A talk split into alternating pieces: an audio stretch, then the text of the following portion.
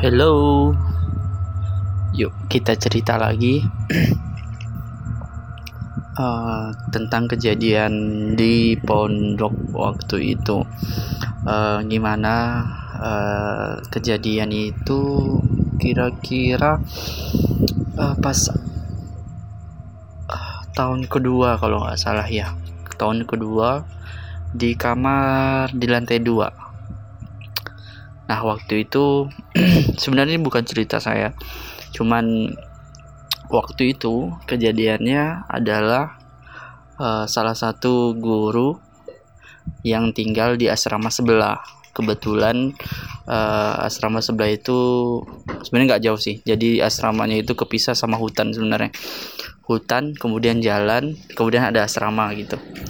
Nah, waktu itu uh, kejadiannya seperti biasa malam hari pastinya ya. Nah, seperti yang pernah saya ceritakan sebelumnya, uh, kejadian waktu itu uh, seorang uh, guru saya yang waktu itu punya kebiasaan tidurnya malam dan seperti biasa kalau malam itu kita tinggi di asrama itu jam 10 tank wajib di wajib matikan lampu. Nah matikan lampu kondisi lorong semua dimatikan. Uh, kalau guru sih sebenarnya lebih bebas ya ketimbang uh, para murid yang tinggal di asrama. Nah kejadiannya itu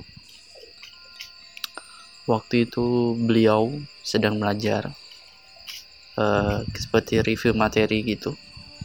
Nah pada saat belajar itu uh, dia dengar ya. Jadi uh, pasti kalian bisa ngebayangin lah meja lebar ya kan?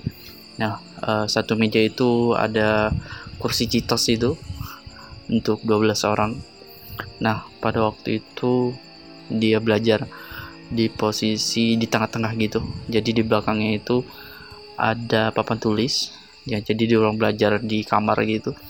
Nah dia lagi belajar belajar gitu uh, dia dengar suara bayi.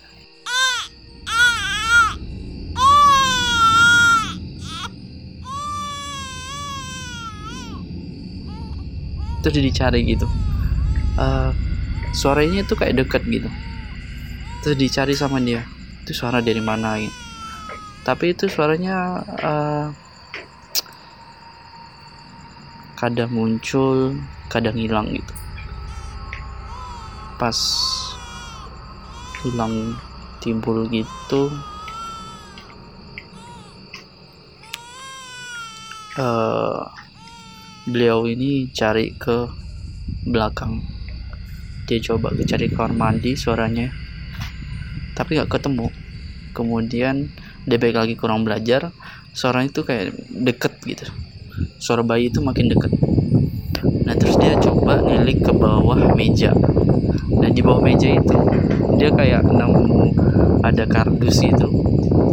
Nah di kardusnya itu ada bayi. Nah pas dia pegang ya kan diambil di bawah meja itu ditariknya kardus itu. Kemudian dipegang bayinya itu. Nah pada saat bayi itu dipegang lehernya itu semacam mau copot gitu.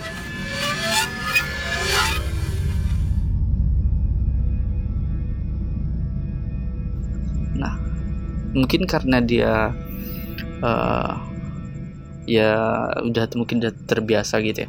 Terbiasa dalam artian uh, ya pada waktu itu memang lebih banyak eh, kejadian-kejadian uh, yang ya horor gitu. Uh, kemudian uh, yang mengalami memang banyak kejadian lah rentetan-rentetan kejadian yang gak biasa gitu buat uh, sivitas uh, di sekolah itu. Nah ketika dipegang itu dia nenangin itu bayinya diam. Nah tiba-tiba uh, ketika dia lagi nenangin gitu kan bayinya nangis tuh. Tiba-tiba dia itu apa namanya ngelihat uh, sesosok perempuan yang tiba-tiba datang.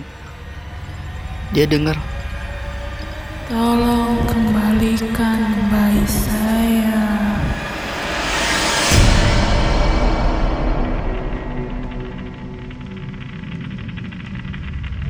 dan dia ngambil bayinya.